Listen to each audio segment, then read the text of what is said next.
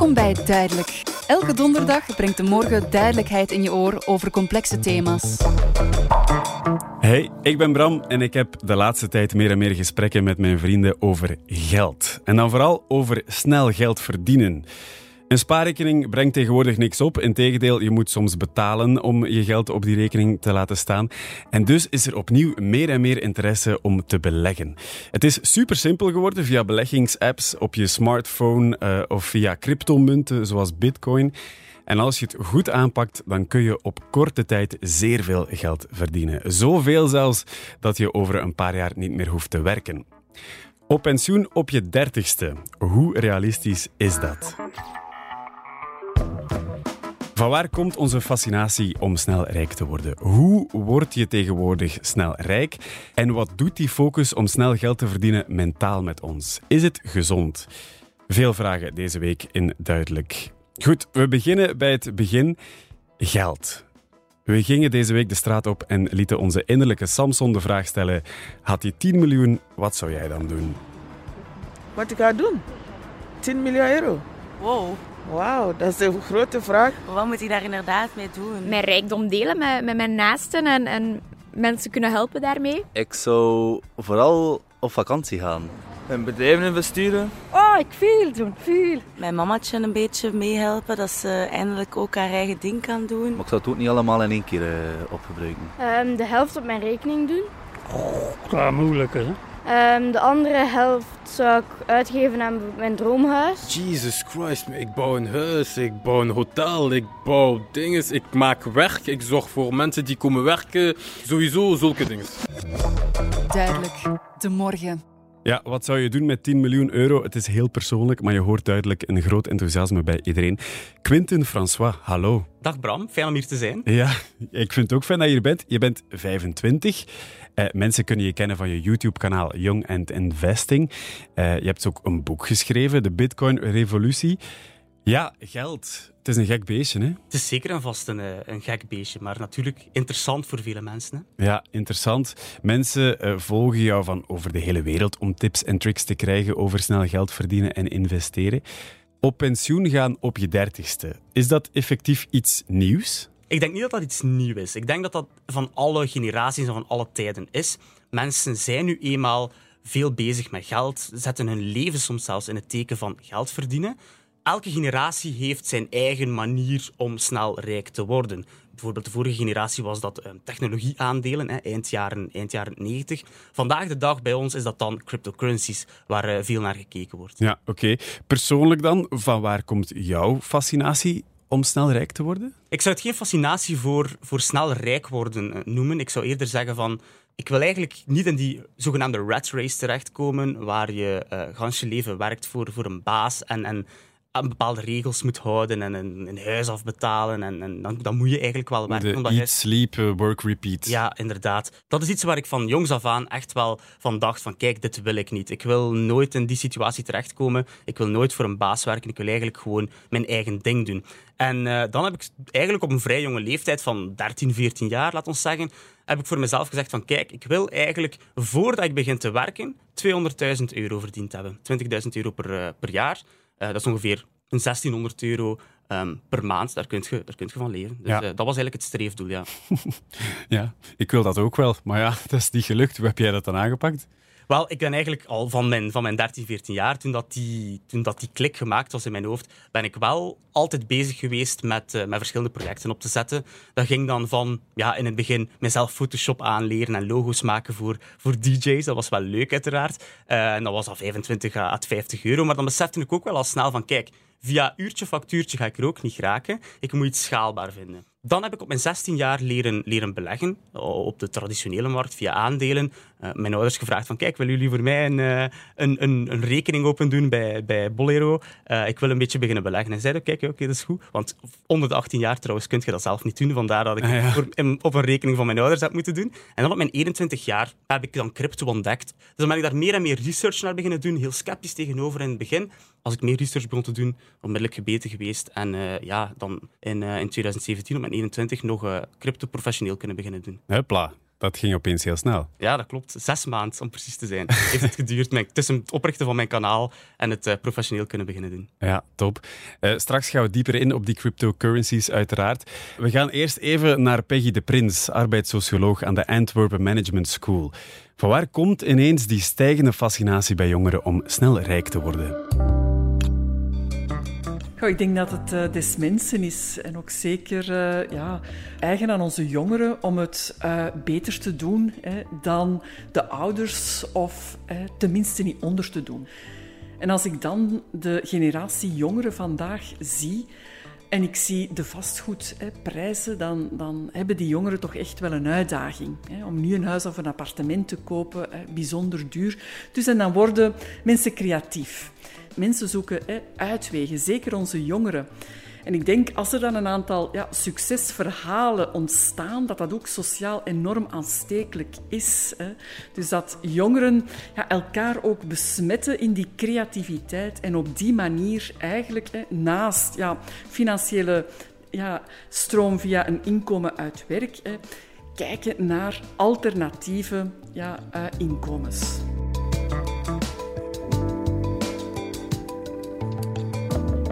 Het beleggen is uh, in mijn ja, uh, opinie zeker hè, vandaag een hype, omdat het inderdaad ja, te maken heeft met, met dat sociale besmettelijke. Het is onderdeel van een bepaalde jongeren subcultuur in mijn ogen zeker nog geen dominante subcultuur. Het zit in een bepaalde niche. Jongeren moeten al een stuk financiële affiniteit hebben, moeten al een stuk kennis hebben, moeten ook nog eens risico durven nemen. Dus dat is echt maar voor een select publiek.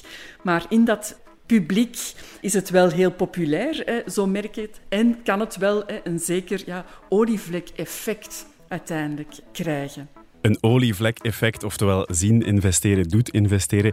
Quinten, je hebt een zeer succesvol YouTube-kanaal, Young and Investing, met ondertussen 140.000 volgers. Uh, wat doe je daar precies? Eigenlijk bespreek ik op mijn, uh, op mijn YouTube-kanaal gewoon het uh, alledaags reilen en zeilen van de cryptomarkt. Dus dagelijks nieuws, maar ook mijn eigen portfolio, mijn eigen beleggingen bespreken. Hoe zou jij je eigen publiek omschrijven? Mijn publiek zijn vooral um, jonge mensen die, die dromen.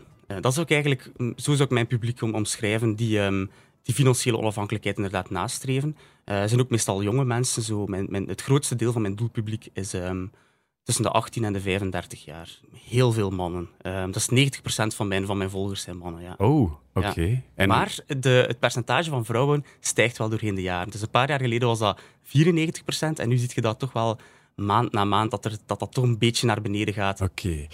Als nieuwsanker van de crypto weet jij dus alles over snel rijk worden of financieel onafhankelijk worden, hoe je het zelf noemt. Wij vroegen ons af um, hoe mensen op straat denken dat die tegenwoordig snel rijk kunt worden hard werken zeker. Maar ja, je kunt op zwart werken en wit werken, ja. Erfenis bij mij zit er niet in, zo dus. En werken ook, word ook direct van. Dus lotto of stelen. De lotto spelen misschien? De lotto. En ergens investeren of, of zelf iets, iets oprichten. Hoe dat snel rijk zou worden nu? Uh, dat is echt moeilijk. Onmogelijk. Ik denk vooral met, met start-up uh, bedrijven denk ik. Uh, of uh, personal coaching. Moet ik daar eerlijk op antwoorden door te dealen? Quinten ooit overwogen om te dealen?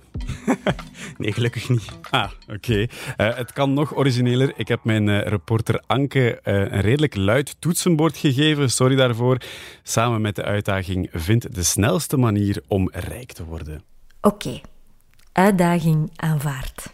Manieren zoeken om snel rijk te worden. Snel rijk worden. Hoe doe ik dat? Um, Google. Nou, hoe snel rijk worden?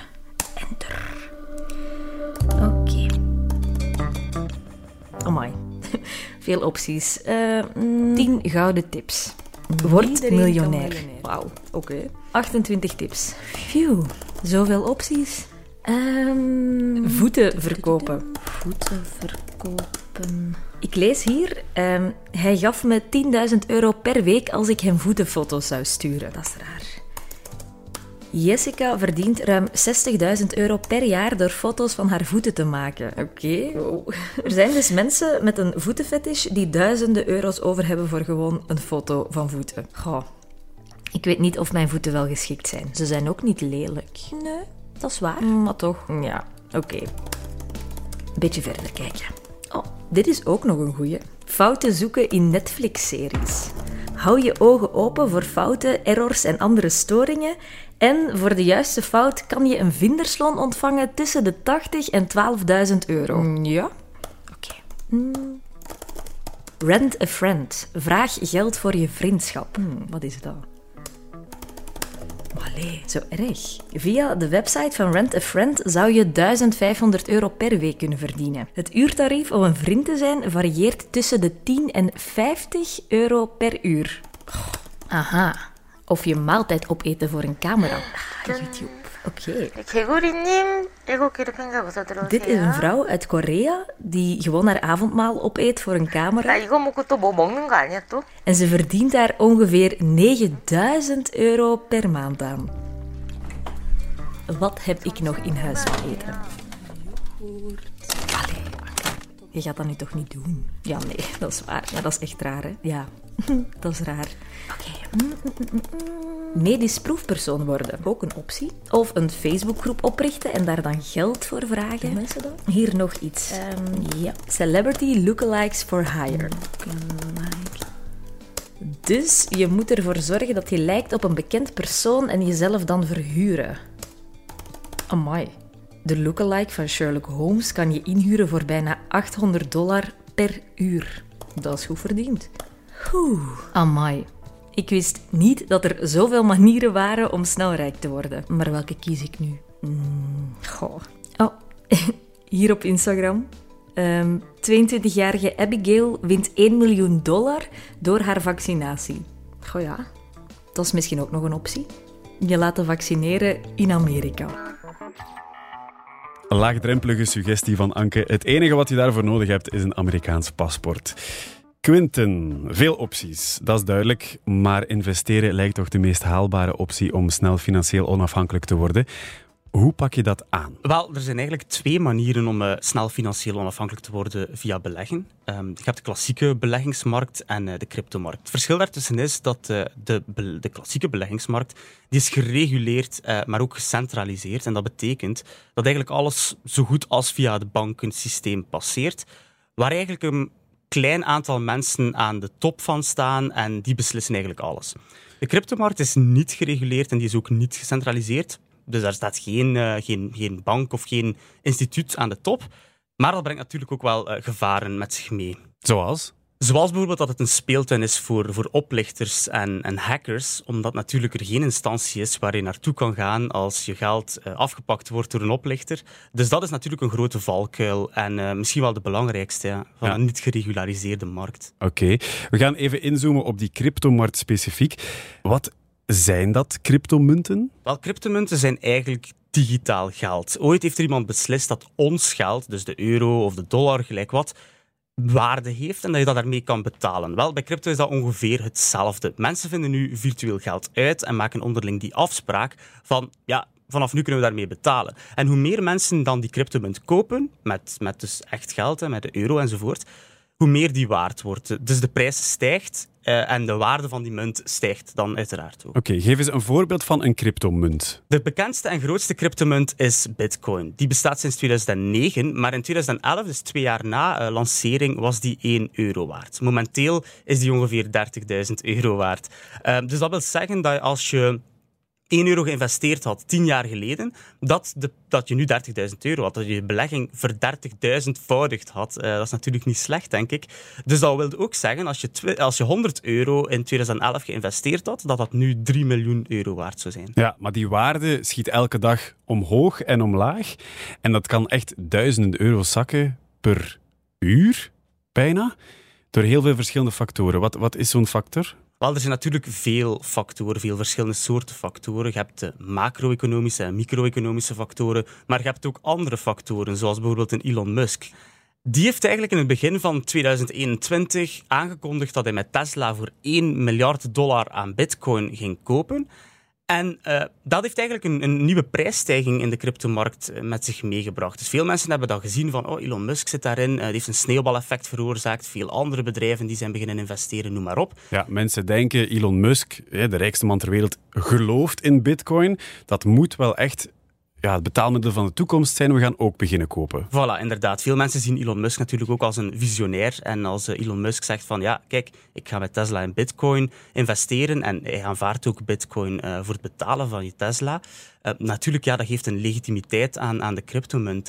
Maar natuurlijk een paar maanden later heeft hij dan via Twitter aan zijn 50 miljoen volgers, dat is natuurlijk niet weinig, aan zijn 50 miljoen volgers heeft hij dan uitgetweet van kijk, ik heb toch mijn twijfels. Daardoor heeft hij een beetje onzekerheid in de markt verspreid en is die prijs ook wel echt sterk beginnen dalen sindsdien. Dus Elon Musk zegt dit is goed, iedereen koopt. Elon Musk zegt dit is slecht, iedereen verkoopt. Ja, daar komt het een beetje op neer. Warm en koud blazen tegelijk. Ja, ja, ja, ja, ja.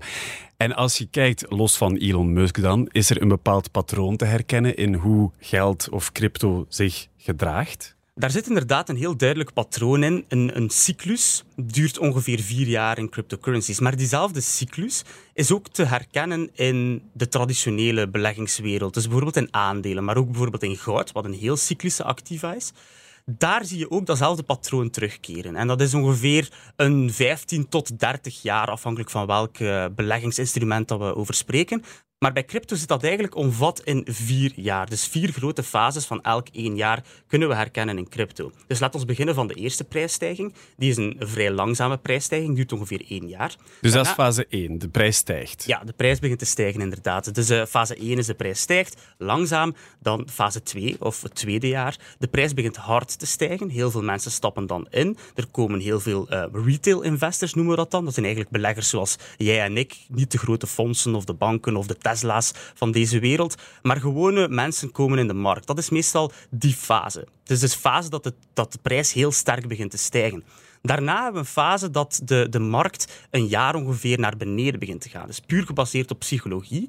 Um, en die, dan begint dat ook weer een sneeuwbaleffect in de andere richting te hebben, waardoor die prijs heel sterk begint te dalen. Dat is dan eigenlijk de derde fase. En de vierde fase, dan gaat de prijs min of meer gewoon zijwaarts. Dus eigenlijk het je vier grote fases erkennen in een, in een cyclus van cryptomunten. Maar zoals gezegd ook in, in, andere uh, beleggingsinstrumenten. Zoals ik zei, dat is puur gebaseerd op menselijke psychologie. Dat is een wetenschap die gaat niet veranderen. Uh, daardoor is dat eigenlijk iets dat je wel echt kan begrijpen en iets dat je onder de knie kan hebben. En dan gaat u dan een voorsprong geven op 95% van de andere uh, beleggers. Ja, en die vier fases die herhalen zich constant.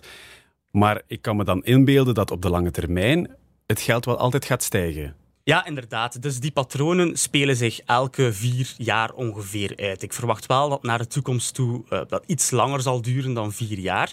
Maar de, het plateau van, van elke cyclus komt echt hoger te liggen. Dus de top van de volgende cyclus ligt telkens hoger dan de vorige cyclus. Maar ook de bodem van elke cyclus komt hoger te liggen dan de vorige cyclus. Dus daardoor komt er eigenlijk een patroon in dat op lange termijn die prijs toch wel blijft en blijft stijgen. Ja, oké. Het, het, gaat wel elke cyclus gaan dalen, maar altijd minder hard gaan dalen, waardoor het op termijn wel echt stijgt. Inderdaad. Oké. Hoe belangrijk is, is kennis van die vier fases als je in crypto stapt? Het is een heel belangrijk onderdeel om te gaan begrijpen, want dat gaat u voorsprong geven op 95% van de andere beleggers in de markt. Die 95% gaan denken op hoogtes van ja, het is nu de moment om te kopen. En op laagtes gaan ze denken van ah oh nee, het is gedaan met crypto, we gaan nu gaan verkopen. Eigenlijk moet je zelf gewoon um, inprenten van kijk, je moet het omgekeerde doen. Je moet compleet het omgekeerde denken dan 95% van de mensen. Dat wil zeggen dat op hoogtes, dus op de hoogste fase van de cyclus, moet je gaan denken van kijk, hier moet ik gaan verkopen. Ja, weg ermee. Weg ermee, inderdaad. Van we gaan nu winst pakken en we gaan wachten om lager terug in te kopen. En dat gaat ongetwijfeld gebeuren. Dus dan moet je eigenlijk op die laagtes gaan denken in plaats van, oh, het is gedaan met crypto. Moet je echt gaan denken van, joepie. ja, joepie. het, zijn, het zijn solden, nu kunnen we gaan inkopen en zitten we goed gepositioneerd voor de volgende um, bull market, hè, de, de stierenmarkt, waar de prijs opnieuw heel sterk gaat beginnen stijgen. Ja, je zegt wel, je moet je emoties uitschakelen. Maar ik kan me inbeelden, en je ziet, je, ziet je eigen geld dalen en dalen en dalen en dalen. Ja, hoe moeilijk is dat om, om dan jezelf te controleren en te zeggen van nee, laat het maar crashen, dit komt goed? Het is zeker en vast zeer moeilijk. Vanuit mijn eigen ervaring kan ik ook wel zeggen dat ik mijn plan vorige cyclus helemaal niet goed gevolgd heb Althans op de top van vorige cyclus, dat was in 2017. Dan heb ik totaal niet veel geld uitgecashed om verschillende redenen. De eerste reden was uh, regulaties in België. Het was heel onduidelijk hoeveel belastingen dat ik erop moest gaan betalen. Maar de andere reden was ook um, hebzucht. Dus ik dacht van ja, het kan nog hoger, het kan nog hoger. Dat is een grote fout die ik gemaakt heb. Daar heb ik uit geleerd. Ondanks dat ik eigenlijk wist hoe dat die cycli uh, werken. Maar wat ik wel goed gedaan heb, is dan uh, mijn plan gevolgd op de bodem van die, van die berenmarkt of die dalende markt. Daar, toen de prijs heel laag stond, heb ik heel dicht bij de bodem toch wel flink kunnen gaan inkopen. Je moet echt een plan hebben voor zowel erin te gaan als uit die markt te gaan. En je moet dat emotieloos volgen. Je moet doelen stellen van, kijk, als bitcoin die prijs uh, aantikt, dan ga ik zoveel verkopen. Als bitcoin die prijs aantikt, ga ik zoveel verkopen. Of natuurlijk met andere cryptomunten, uh, maakt niet veel uit. Maar je moet een plan maken en je daaraan houden, want anders is het zeer moeilijk om dat te gaan volgen omdat natuurlijk zo een psychologische mania van crypto to the moon aan de gang is. En dat is dan heel moeilijk. Ja, oké. Hoe realistisch is het om hiermee echt financieel onafhankelijk te worden? Ik denk dat het zeer realistisch is. Gewoon omdat die markt zo sterk stijgt en daalt. Je moet natuurlijk voldoende research doen. Je moet uh, voldoende je emoties onder controle hebben. Je moet voldoende opvolging doen. En uh, je moet echt die cycli heel goed begrijpen. Als je dat kan, denk ik dat het realistisch is om zelfs in één cyclus, vier, vijf jaar, um, financieel onafhankelijk te worden met, met een paar duizend euro. Denk ik dat je die 200.000 euro, wat eigenlijk in mijn ogen het magische getal is voor financiële onafhankelijkheid, uh, om dat te, te, kunnen gaan bereiken. Alright. Als je nu geen zin hebt of, of, of tijd hebt bijvoorbeeld om er zo intensief mee bezig te zijn, kun je ook gewoon dat geld erop zetten en dan jaren laten staan. Is dat ook rendabel? Dat kan zeker en vast, maar dan kan je dat niet echt meer doen, denk ik, met, uh, met Bitcoin. Want ja, oké, je gaat er wel nog winst mee halen, maar je moet niet verwachten dat met Bitcoin je 1000 euro of 2000 euro opeens een miljoen gaat waard zijn na een paar jaar. Dat gaat niet meer gebeuren. Die grootste stijging van Bitcoin is gepasseerd. Dus wat dan wel mogelijk is, is om bijvoorbeeld op een laag punt in de markt, hè, dus als we in die zijwaartse beweging zitten, voordat er een nieuwe prijsstijging komt, als je dan goede projecten hebt, of je vindt goede projecten en je investeert daar geld in. Goede projecten zijn goede nieuwe munten dan? Ja, klopt inderdaad. Dus aan een project, daar zit vaak een munt aan verbonden. En, en als je die munt koopt op een heel laag punt in de cyclus, net voor de prijsstijging, en je laat die dan een paar jaar staan, dan denk ik dat je met een paar duizend euro gerust een, een, een maal 100 kan halen en, en dan inderdaad aan 100, 200.000 uh, euro kan zitten. Ik zie het ook bij mensen rondom mij die op een goed moment in, in de vorige, uh, op het vorige plateau hebben geïnvesteerd. En die mensen hebben een paar duizend euro geïnvesteerd en die hebben nu wel echt het magische nummer van 200.000 bereikt ondertussen al. Goed, dus daar sta je dan. Je hebt 200.000 euro winst gemaakt. Je bent er, je bent rijk. En nu? Ik denk niet dat ik gelukkiger zou zijn moest ik rijk zijn. Misschien een paar maanden of zo. En dan niet meer, denk ik. Misschien niet gelukkig, maar het is wel makkelijk als je het hebt. Ik zal super gelukkig zijn met geld, ja. Sowieso, je kunt alles kopen wat je wilt. Hè. Dus wie, is er, wie wordt er daar niet gelukkig van, denk ik dan. Gelukkig worden niet. Gelukkig is mijn familie. Uh, rijk zijn is just a better way of living. Geld is altijd leuk. Maar mij daar gelukkig mee voelen, nee. Uh, als ik eerlijk mag zijn, ik weet wat dat ziek zijn is. Ik weet wat dat pijn is.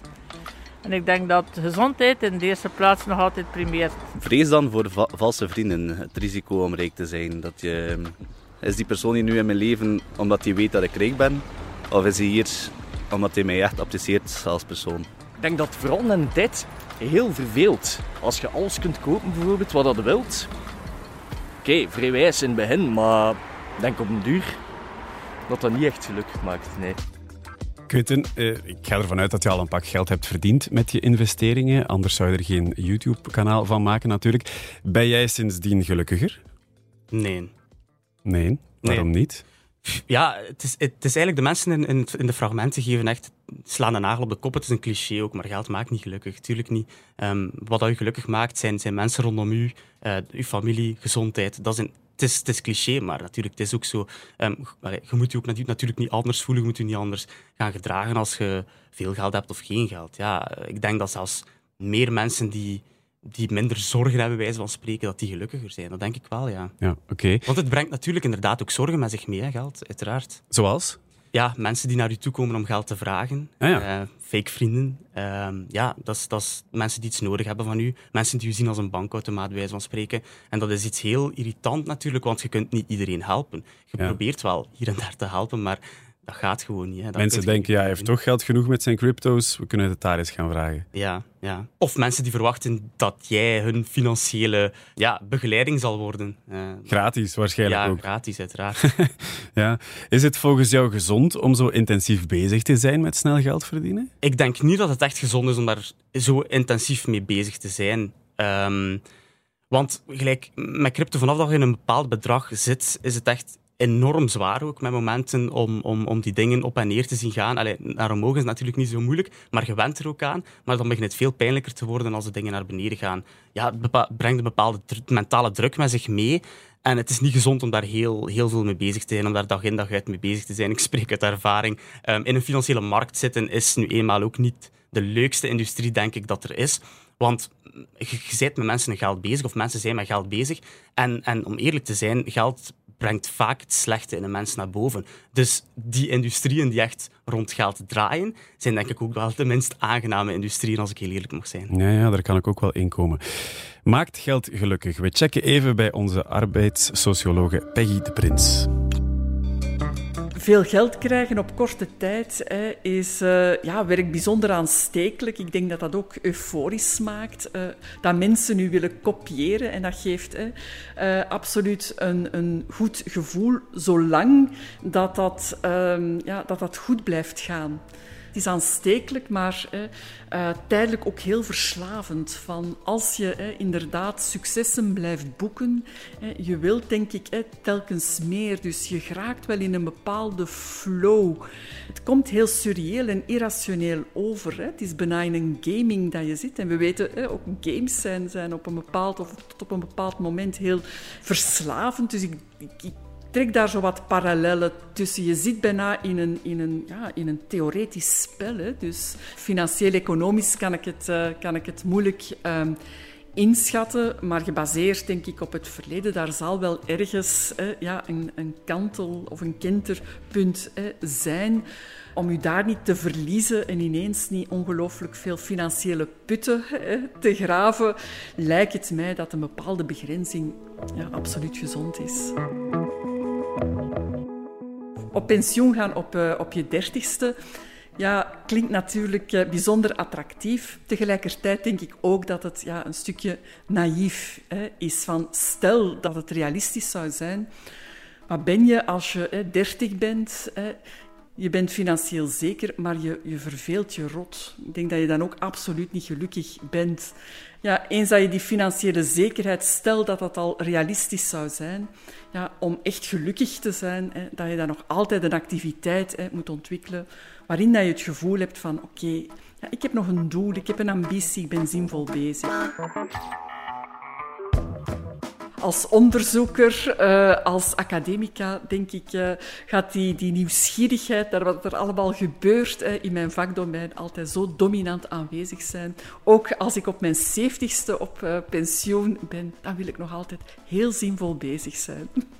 Maar ik zal tot ik ja, oud en heel versleten ben, toch nog heel nieuwsgierig zijn naar die sociale en sociologische realiteit. Quinten, ga jij nog YouTube-filmpjes maken als je oud en versleten bent?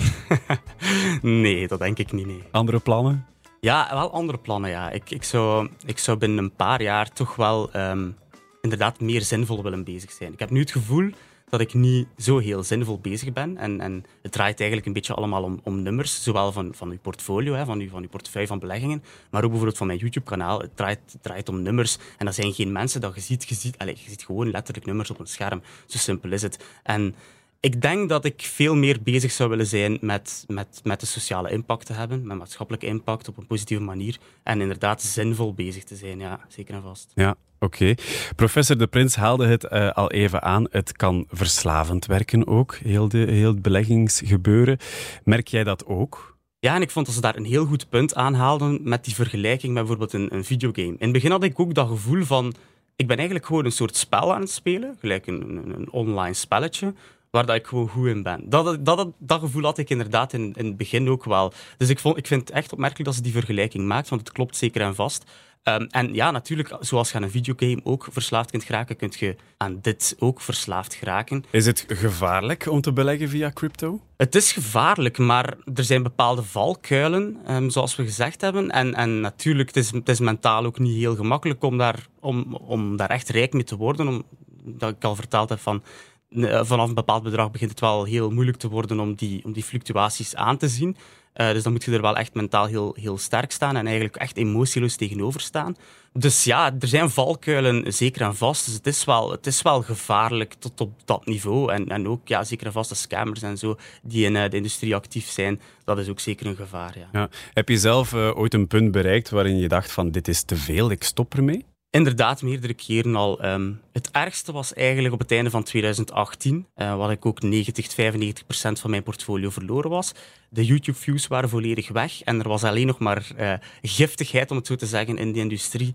En natuurlijk daarbovenop, ik zit al jaren alleen op een kamertje. Dat doet er natuurlijk ook geen goed aan om geen collega's te hebben, om eigenlijk niemand rond u te hebben, uh, buiten mijn familie en mijn, en mijn vriendin. Maar al die factoren samen had ik toen echt iets van ik stop ermee. Uh, maar toen dat ik net op dat punt zat, dan begon het dan weer goed te gaan. En dan herleeft je natuurlijk wel ook meer. Um, maar ja, ik ben inderdaad ook niet van plan om dit voor altijd te blijven doen. Uh, ook omdat ik de meeste doelen heb bereikt op YouTube en uh, op portfoliovlak. Dan denk ik van, kijk, dan is het tijd voor een, voor een nieuw avontuur waar ik misschien ook meer mezelf zinvol vind in bezig zijn. Kun je ons een idee geven van hoeveel, dus je moet geen bedragen noemen, maar hoeveel procent wat je er ooit hebt ingestopt hoeveel procent het is gestegen? Ik ga er geen, uh, geen, inderdaad geen percentage op, uh, op plakken, maar ja, het is toch wel, allee, het is toch wel aanzienlijk. Het is, het is iets wat, denk ik, in, in, in traditioneel beleggen, dat je er in 100 jaar bij zal spreken niet mee komt. Um, dus dat is natuurlijk ook wel de kracht van crypto, dat het heel snel kan gaan. Ja, oké. Okay. Quinten, op pensioen op je dertigste. Hoe realistisch is dat? Ik denk dat het realistisch is, als je er maar genoeg mee bezig bent en als je echt de focus daarop legt, dan denk ik wel dat het realistisch is. Afhankelijk natuurlijk van hoe oud dat je bent. Als je 29 bent en je wil op pensioen op je 30 op één jaar tijd wordt het een beetje moeilijk. Jij bent 25, gaat het jou lukken? Ik zou kunnen, maar ik ga het niet doen. En waarom niet? Omdat het leven heel saai zou zijn als je helemaal niks doet. En ik denk dat je daar inderdaad alleen maar, uh, dat dat alleen maar goed is om uh, depressief van te worden. Als je geen zingeving meer, meer hebt en, en gewoon elke dag uh, in de zetel zit. En ja, oké, okay, je kan wel leuke dingen doen, maar ik denk dat dat op den duur ook wel, ook wel beu wordt als, uh, als je echt totaal geen impact of, of, of, sociale rol meer kan spelen. Een beetje te weinig zingeving in je leven. Ja, klopt. Oké. Okay. Alright, uh, Quinten François van Young Investing, merci voor je heldere uitleg. Heel veel uh, succes ook met je projecten in de toekomst om meer zingeving in je eigen leven te brengen. Um, wil je al op pensioen gaan op je dertigste? Dat is misschien de echte vraag van vandaag. Dit was duidelijk, hopelijk voor jou nu ook. Deze podcast werd gemaakt door Bram Vuilsteker en Anke van Meer. Luister elke donderdag gratis naar een nieuwe aflevering in de app van de morgen. Duidelijk, de morgen.